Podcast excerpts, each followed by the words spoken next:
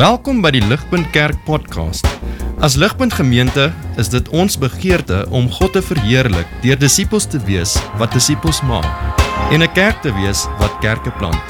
Geniet hierdie week se preek.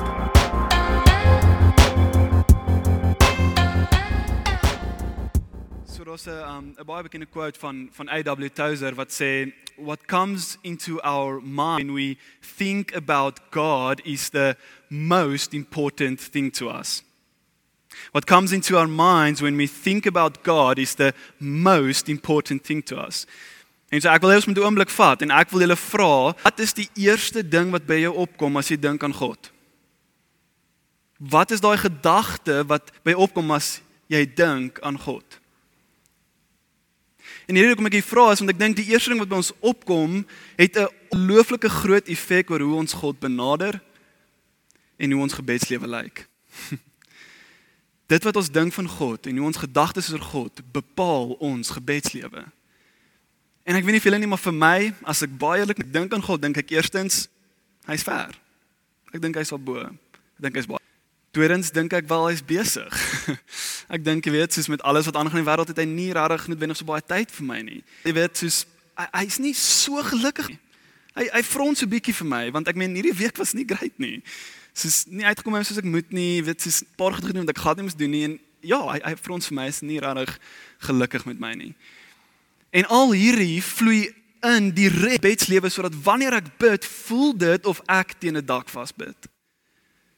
En dit voel net nie of my gebede deurgaan hom nie. En sê hierdie is my hart. Hierdie is waarmee ek sukkel. Ek sukkel om te glo dat God my regtig hoor en ek sukkel dat my gebede vloei.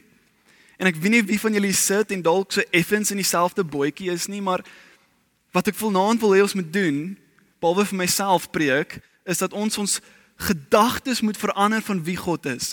Want ek glo dis waar die probleem lê. Ek glo die probleem dat ons voel ons bid dalk in 'n dak vas of ons voel God hoor my nie regtig nie of hy's nie regtig daar nie of naby my nie is ons weet nie eintlik regtig wie die God is nie. En so ek hoop dat ons deur die gelykenis hierdie vraag kan antwoord: Wie is die God vir wie ons bid? En so dis die groot vraag wat ons gaan antwoord. Vir wie bid ons? En dan sal ons eindig met: Okay, as ons weet vir wie ons bid, hoe bietjie meer prakties bid ons? Ons gaan kyk. So net 'n bietjie konteks in die gedeelte net voor hier het Jesus gepraat oor die koms van sy koninkryk in in Lukas 17 en en Jesus het hierso regtig nog ons harde woorde gegee aan sy disippels. Um ons ken die bekende frase wat gesê het die wat hulle lewe wil behou, moet dit verloor. Wat hulle lewe verloor, sal dit behou en hy het gesê as hy terugkom om sy koninkryk finaal te vestig, gaan seker is saam omgaan en seker is gaan nie saam omgaan nie. Met ander woorde, daar gaan mense wees nou wat deel gaan wees aan hierdie koninkryk en die wat nie gaan deel aan die koninkryk. So Jesus vertel hierdie en hy sê vir hulle, luister, dis wat gaan gebeur. Hy gaan terugkom en en dan gaan 'n skeiding wees tussen mense. Maar dan net hierna kom hy in vers 1 van Lukas 18 en dan sê hy hy het hierdie gelykenis vertel to the that they ought always to pray and not lose heart. So Jesus sê die doel van my gelykenis is bid, bid en weer 'n keer bid.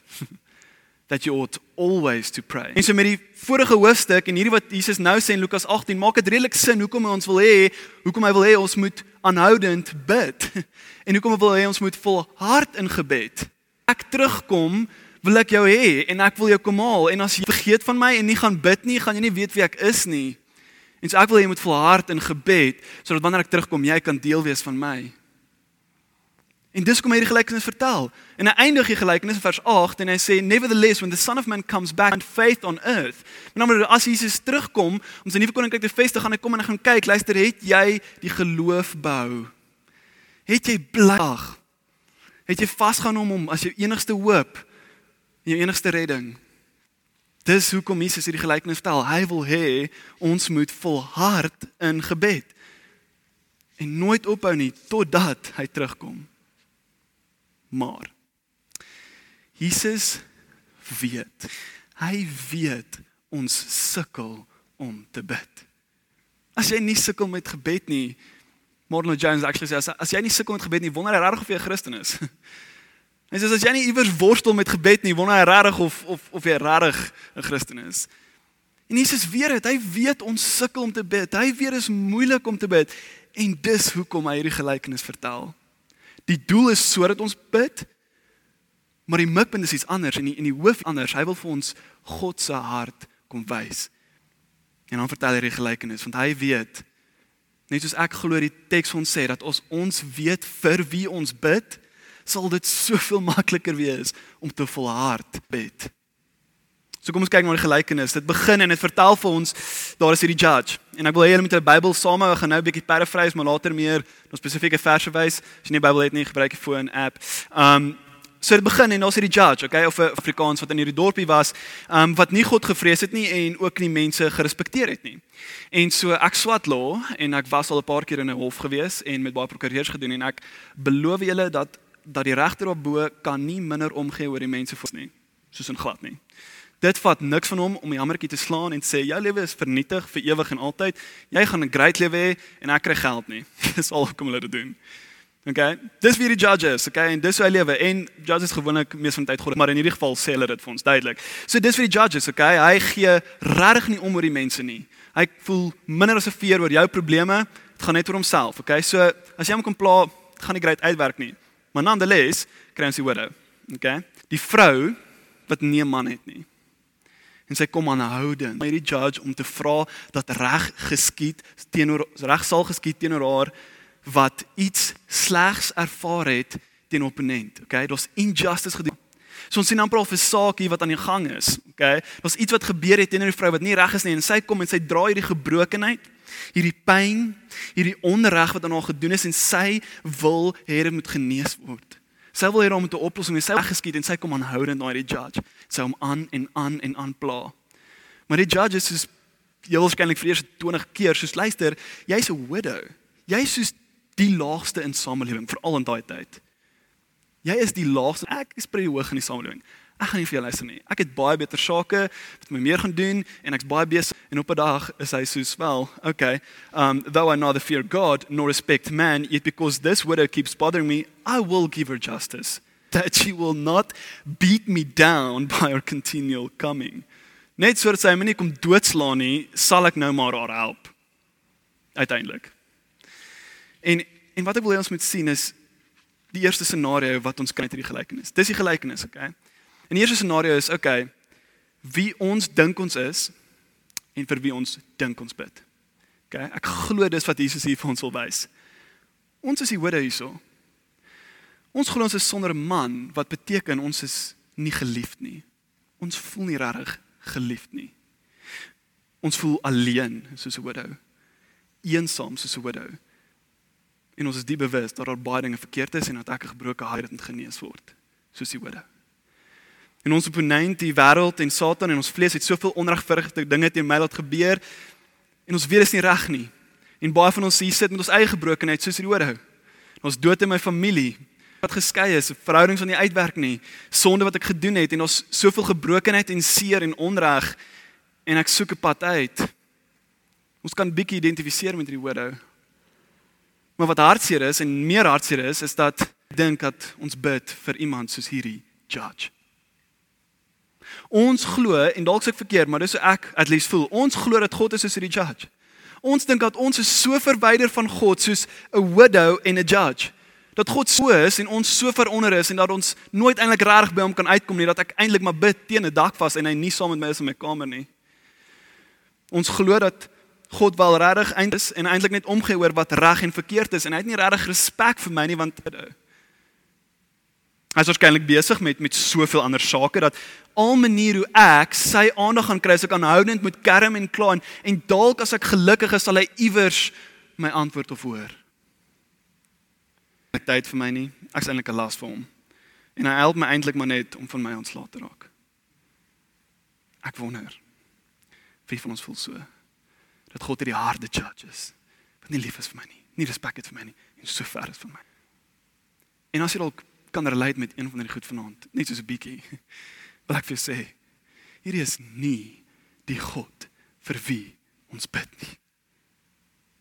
Dit is nie die God bid nie. So scenario 2. Wie is ons regtig en vir wie bid ons regtig? Vers 6 sê and the Lord said hear what the unrighteous judge says and will not God give to his elect. Long over them, I tell you, he will give justice to them speedily. So wie is ons regtig? Jesus sê ons is God's elect. Elect beteken ons is gekies as God se uitverkorenes. Nog voor die grondlegging van hierdie wêreld, nog voor enigiets geskep is, het God jou gekies. Vir wat?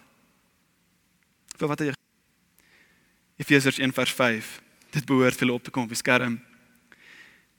In love he predestined us for adoption to himself as sons through Jesus Christ according to the purpose of his will. So God's elect is die wat hy aangeneem het as kinders. Dis wie ons is. Ons kinders, nie widows nie. Ons is kinders. Maar die definisie van aanneem is wel eerstens dat ons 'n weeskind was. Dit beteken jy was 'n weeskind, jy was 'n widow eintlik gewees. Maar God het jou gekies en die persoon wat jy gekies het is jou ouer. So God is ons pa. Hy is ons pa wat jou as weeskind gekies het en aangeneem het om sy kind te wees. Hier's of punt as ek dit sou kan sê. Jesus wil hê ons moet sien dat as die unrighteous judge wat geen respek het vir mense nie, minder as 'n veer voel oor mense, die widow gehoor en justice vir haar gegee het, veel te meer sal God wat jou gekies het as sy kind, nie jou wil hoor en vir jou wil justice gee nie. As die unrighteous judge die widow kon hoor en vir justice gee, hoe meer sal God die Vader wat jou liefhet en jou gekies het as sy kind, nie vir jou wil hoor en justice gee nie. Maar Samuel, at least in my hart, sukkel ons om hierdie te glo. Ons weet dit, skoppe. Ek weet God is 'n Vader. Ek weet hy's 'n Pa, maar ek sukkel om dit te glo en te vat. Somehow lewe ek nog met die orphan mentality dat ek nog steeds kan of 'n weeskind is. Ja, ek weet hy's 'n pa, hy voel nog steeds ver en ek voel nog steeds nie regtig nie en ek voel nog steeds nie hy wil regtig my hoor nie. En ook kan baie redes wees. Van kan baie redes hoekom jy so dink, ek weet hoekom ek so dink. Dalk was jy eie pa nooit daar gewees nie. Dalk het of dalk was jy pa net nooit 'n goeie pa nie. Nie een van ons pa's is perfek nie. Dalk is dit 'n rede. Dalk hou jy van die idee van onafhanklikheid dat dat God moet maar net reg en verkeerd oordeel ook. Dat dis net dood is, bietjie in die lyn. Maar ek wil hê ons moet iets sien van God as pa vanaand teenoorgestel as hierdie unrighteous judge. En ek hoop as ek vir julle iets wys van wie die pa is dat dit ons sal wil volhard in gebed want ons is nie weeskinders nie ons is kinders van God en hy is ons pa so hier is hier is vyf goed. Vyf eienskappe van God as pa of kenmerke wat ons sien wat God as pa wat ek hoop jou sal bemoedig so lief sal maak dat jy aan die einde van hierdie wil hardloop na hom. Die eerste een God is as pa is oneindig lief vir jou. Ek weet dit is obvious maar hoor my. Hy is oneindig lief vir jou. In Johannes 3 vers 1 sê see what great love the Father has lavished on us that we should be called children of God. Weet jy hoe baie liefde moet dit vat vir iemand om 'n weeskind aan te neem? Wat nie sy is nie. Die proses, die moeite in wêreldse terme. God neem jou aan en hy weet jy was vuil. Hy weet jy gaan nie dalk 'n goeie kind wees nie. Hy sê nee. God die skepper van hemel en aarde het jou gekies om sy kind is so lief vir jou. En hy sê vir jou niks maar niks sal jou kan skei van my liefde teenoor jou nie. Niks. Die tweede punt is dat God is altyd altyd met jou. En jy is nooit alleen in daai kamer nie.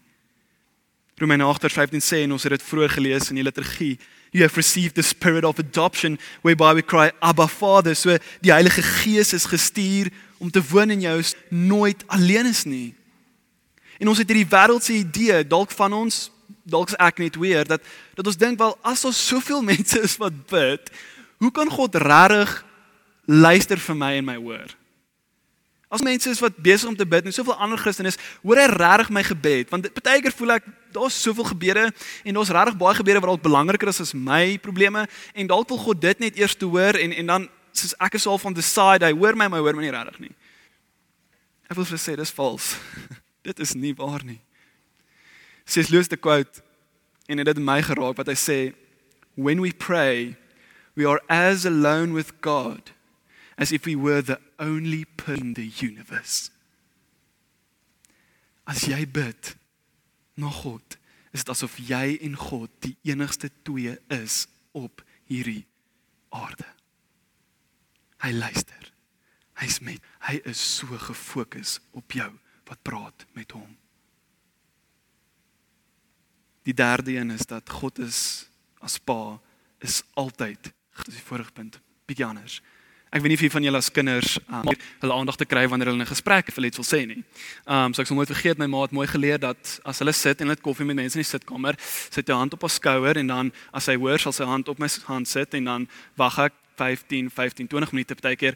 Ehm um, vir hom sê o, wat wil jy sê? Wat wil jy? Ehm um, kos waarskynlik. En en so so dis hoe ons groot geword het en so um, ek is gewoond aan dat wanneer wel gaste is en ek wil iets sê of iets dan gaan sit ek maar op my skouer en baie keer bly dit daar vir 'n hele rukkie en na 'n rukkie loop ek weg ek sê ek kom terug probeer weer nee okay en dalk aan die einde weet hoor sy nou dit is nie hoe God is nie jy hoef nie jou hand op sy skouer te sit en te wag vir 'n beurt om met hom te praat nie want hy is net gou besig met 'n paar ander mense nie nee nee nee God wag vir jou Hy kyk hoe jy ronddwaal as kind in hierdie wêreld met al jou dingetjies in jou dag en hy sit en wag. Hy sê kom. Kom na my. En anderstens as sy hande wat oop is en hy wat sit en wag, as jy kom en hy sê kom hier so en hy tel jou op. En hy sit jou op jou sy skoot. En hy sê vir jou praat met my. Praat Ek is nie besig nie. Jy het nooit jou hand op sit nie. God is altyd gereed om te hoor. Die vierde een, as pa kyk hy altyd met 'n glimlag na jou. Hy frons nooit nie. Hy het oneindige respek vir jou. Hy is so trots op jou. Ek weet nie of jy al iets gemaak het nie. Ek weet Casper bou baie goed. So ek dink hy's baie keer soos hier is nice. Nou, anders as Casper wat kan trots wees op 'n huis wat hy gebou het. Um met ek toe ek ingetrek het soos ons laai wat so uitgeskryf was, net soos met 'n hamer ingeslaan. Maar toe ek dit doen, toe voel ek regtig trots op myself want ek het iets reggemaak, jy weet, soos ek het iets geskep kind of. Nou nou dink gou as God jou aan mekaar gewewe het in sy moeder skoot. Alles van jou, elke kuits eienskap, elke deeltjie van jou. Hoe trots dink jy nie is hy op jou nie? Hy kyk nou en hy glimlag. Jy is my skepsel, ek het jou gemaak. Ek ken jou soveel beter as jy ooit jouself sal ken. Hy sê jy is te dank aan Jesus. My geliefde seun of dogter. En oor jou verbly ek my. Hy smile as ek kyk na jou. Die laaste een en waarskynlik die belangrikste een vir my is dat as pa ja, wil hy hê reg moet geskepa wat goed is. Hy wil hê dat reg en verkeerd moet onderskei word. So ja, hy is in hierdie een dalk 'n klein bietjie soos daai judge waar hy wil hê reg moet geskied, maar God het oneindige en hierdie is wat ek wil hê julle moet raak sien. Dit gaan nie wat jy gedoen het nie, wie jy is nie, eindige vir jou. Die hoof ding dink ek, die nommer 1 ding en en dalk al hierdie vorige vier goed help ons, maar die een ding wat ek dink partykeer ons laat voel of ons teen 'n dak vasbyt is sonde. Daai een ding wat ek al. Daai een temptasie wat jy net vang. Daai een ding wat jy net nie weet hoe om te hanteer nie. Sonde. Maak laat ons nie voel hierdie God kan reg lief wees vir my nie. Ons voel hy wil nie reg my hoor nie. Dink sonde is die een ding wat voel dat ons nie kan deurkom na hom nie.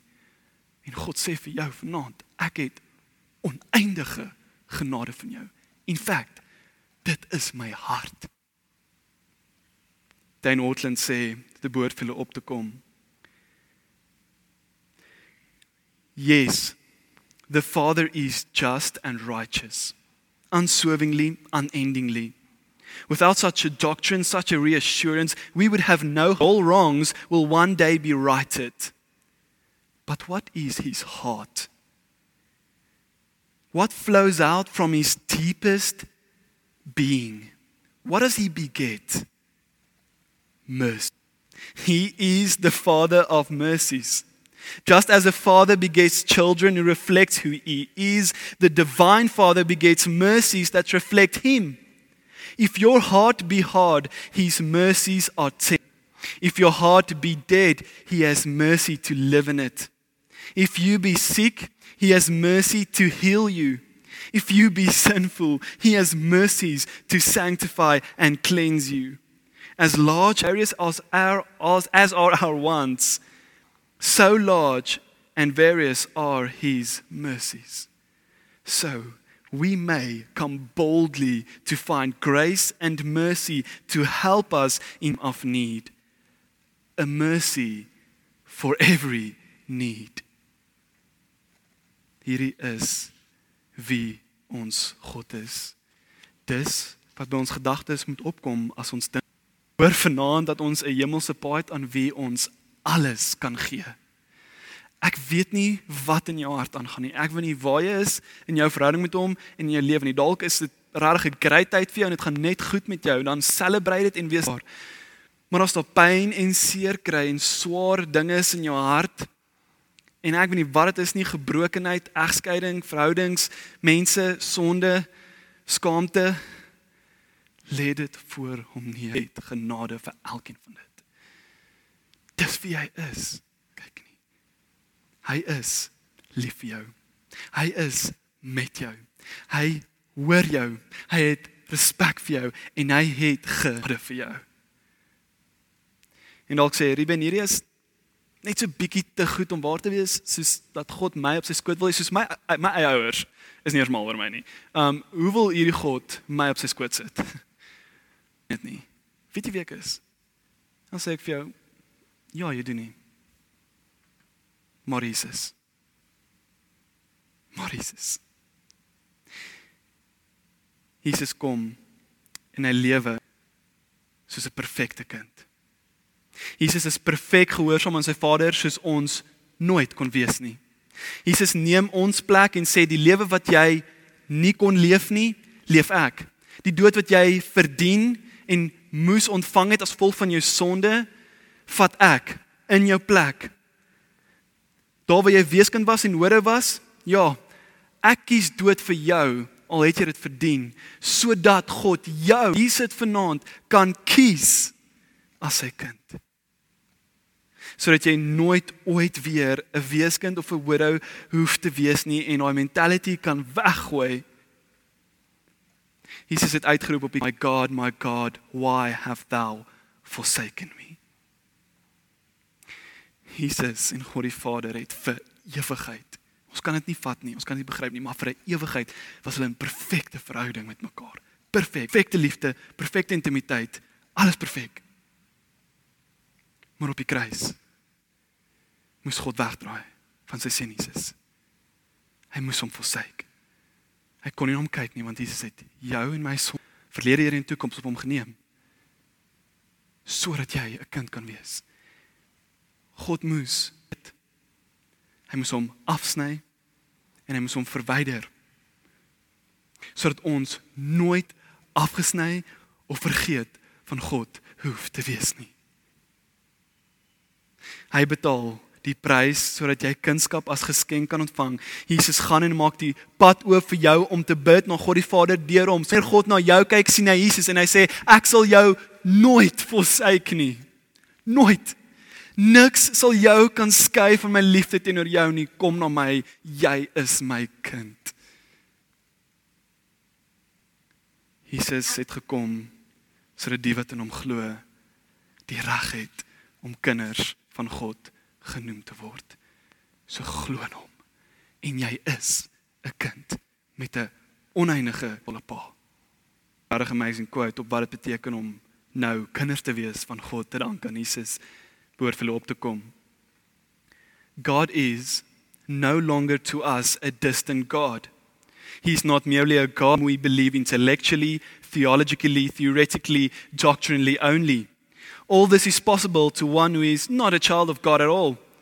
Our worship and praying are spontaneous.